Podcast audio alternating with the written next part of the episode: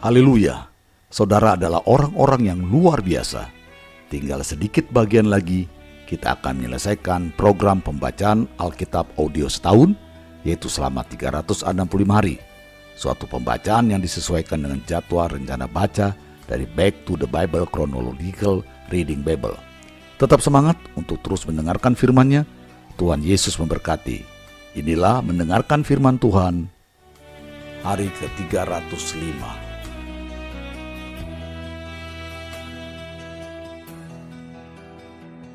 Matius pasal 20 Adapun hal kerajaan sorga, sama seperti seorang tuan rumah yang pagi-pagi benar keluar mencari pekerja-pekerja untuk kebun anggurnya.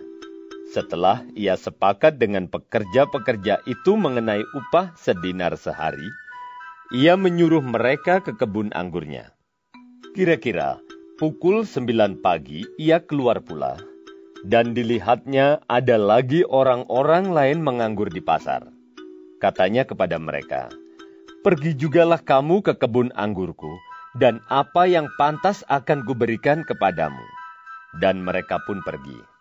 Kira-kira pukul 12 dan pukul 3 petang, ia keluar pula dan melakukan sama seperti tadi. Kira-kira pukul 5 petang, ia keluar lagi dan mendapati orang-orang lain pula, lalu katanya kepada mereka, Mengapa kamu menganggur saja di sini sepanjang hari? Kata mereka kepadanya, Karena tidak ada orang mengupah kami.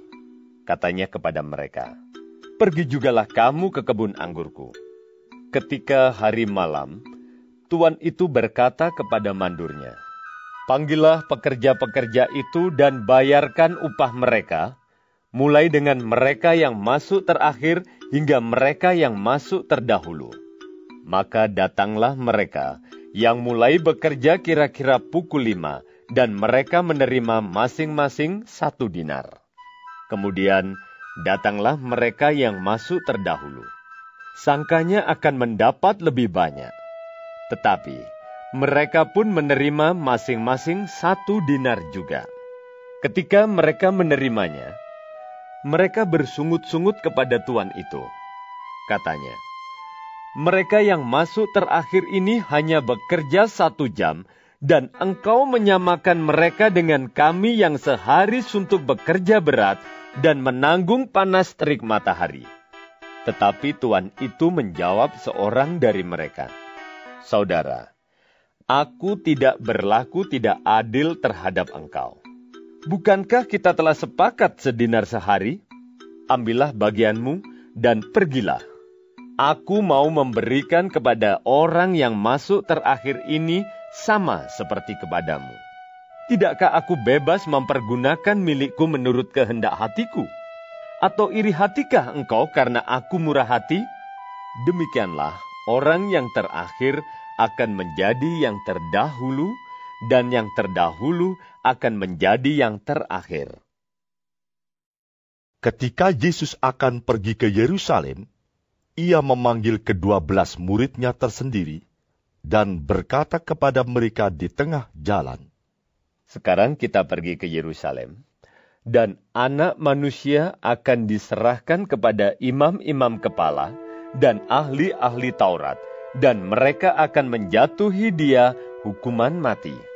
Dan mereka akan menyerahkan dia kepada bangsa-bangsa yang tidak mengenal Allah, supaya ia diolok-olokkan, disesah, dan disalibkan, dan pada hari ketiga ia akan dibangkitkan. Maka datanglah ibu anak-anak Zebedeus serta anak-anaknya itu kepada Yesus, lalu sujud di hadapannya untuk meminta sesuatu kepadanya. Kata Yesus, "Apa yang kau kehendaki?" Jawabnya, "Berilah perintah supaya kedua anakku ini boleh duduk kelak di dalam kerajaanmu, yang seorang di sebelah kananmu dan yang seorang lagi di sebelah kirimu." Tetapi Yesus menjawab, katanya, Kamu tidak tahu apa yang kamu minta. Dapatkah kamu meminum cawan yang harus kuminum? Kata mereka kepadanya, Kami dapat. Yesus berkata kepada mereka, Cawanku memang akan kamu minum, tetapi hal duduk di sebelah kananku atau di sebelah kiriku, aku tidak berhak memberikannya. Itu akan diberikan kepada orang-orang bagi siapa Bapakku telah menyediakannya. Mendengar itu, marahlah ke sepuluh murid yang lain kepada kedua saudara itu. Tetapi Yesus memanggil mereka, lalu berkata, Kamu tahu bahwa pemerintah-pemerintah bangsa-bangsa memerintah rakyatnya dengan tangan besi, dan pembesar-pembesar menjalankan kuasanya dengan keras atas mereka. Tidaklah demikian di antara kamu. Barang siapa ingin menjadi besar di antara kamu, hendaklah ia menjadi pelayanmu, dan barang siapa ingin menjadi terkemuka di antara kamu, hendaklah ia menjadi hambamu. Sama seperti anak manusia datang bukan untuk dilayani, melainkan untuk melayani dan untuk memberikan nyawanya menjadi tebusan bagi banyak orang. Dan ketika Yesus dan murid-muridnya keluar dari Yeriko, orang banyak berbondong-bondong mengikuti dia. Ada dua orang buta yang duduk di pinggir jalan mendengar bahwa Yesus lewat, lalu mereka berseru, Tuhan, anak Daud, kasihanilah kami. Tetapi orang banyak itu menegur mereka supaya mereka diam. Namun mereka makin keras berseru, katanya, kasihanilah kami. Lalu Yesus berhenti dan memanggil mereka. Ia berkata, Apa yang kamu kehendaki supaya aku perbuat bagimu?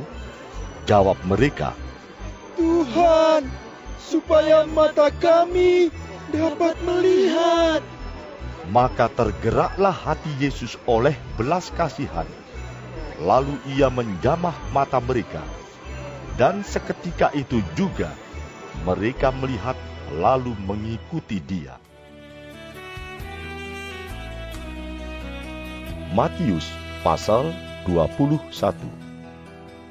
Ketika Yesus dan murid-muridnya telah dekat Yerusalem dan tiba di Betfage yang terletak di Bukit Zaitun, Yesus menyuruh dua orang muridnya dengan pesan, Pergilah ke kampung yang di depanmu itu, dan di situ kamu akan segera menemukan seekor keledai betina tertambat dan anaknya ada dekatnya.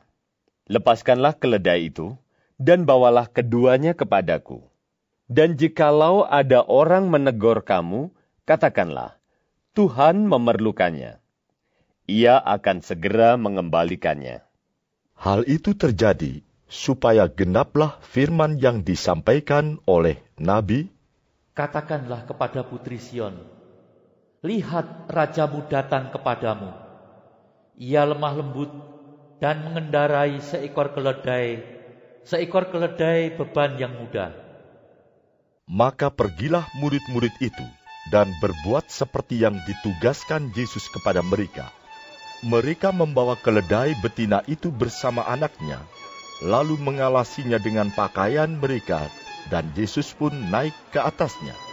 Orang banyak yang sangat besar jumlahnya menghamparkan pakaiannya di jalan. Ada pula yang memotong ranting-ranting dari pohon-pohon dan menyebarkannya di jalan.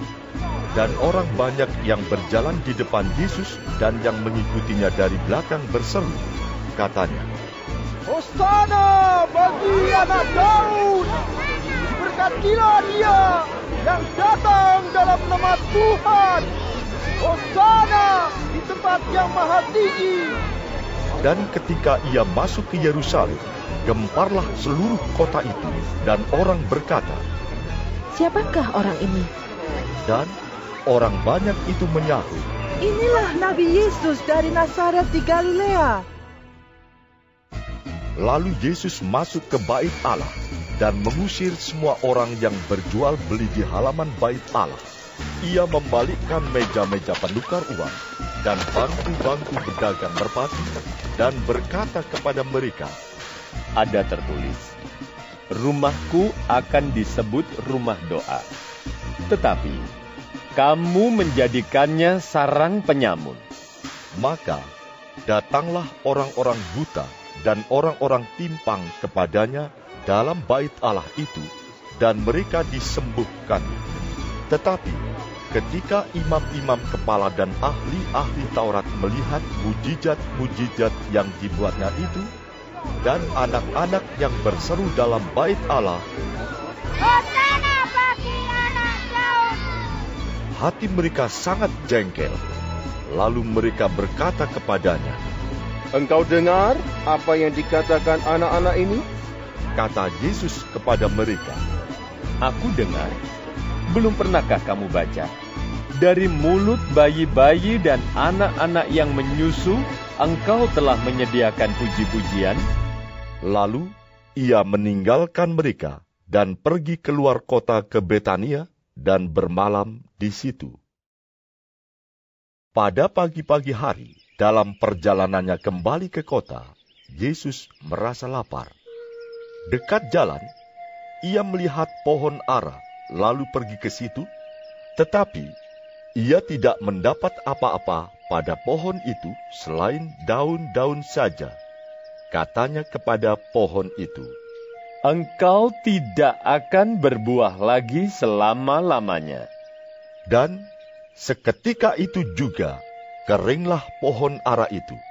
Melihat kejadian itu, tercenganglah murid-muridnya, lalu berkata, Bagaimana mungkin pohon ara itu sekonyong-konyong menjadi kering? Yesus menjawab mereka, Aku berkata kepadamu, sesungguhnya jika kamu percaya dan tidak bimbang, kamu bukan saja akan dapat berbuat apa yang kuperbuat dengan pohon ara itu, tetapi juga jikalau kamu berkata kepada gunung ini, beranjaklah dan tercampaklah ke dalam laut, hal itu akan terjadi. Dan apa saja yang kamu minta dalam doa dengan penuh kepercayaan, kamu akan menerimanya. Lalu Yesus masuk ke bait Allah, dan ketika ia mengajar di situ, datanglah imam-imam kepala serta tua-tua bangsa Yahudi kepadanya dan bertanya, Dengan kuasa manakah engkau melakukan hal-hal itu? Dan siapakah yang memberikan kuasa itu kepadamu? Jawab Yesus kepada mereka, Aku juga akan mengajukan satu pertanyaan kepadamu, dan jikalau kamu memberi jawabnya kepadaku, aku akan mengatakan juga kepadamu dengan kuasa manakah aku melakukan hal-hal itu. Dari manakah baptisan Yohanes? Dari sorga atau dari manusia?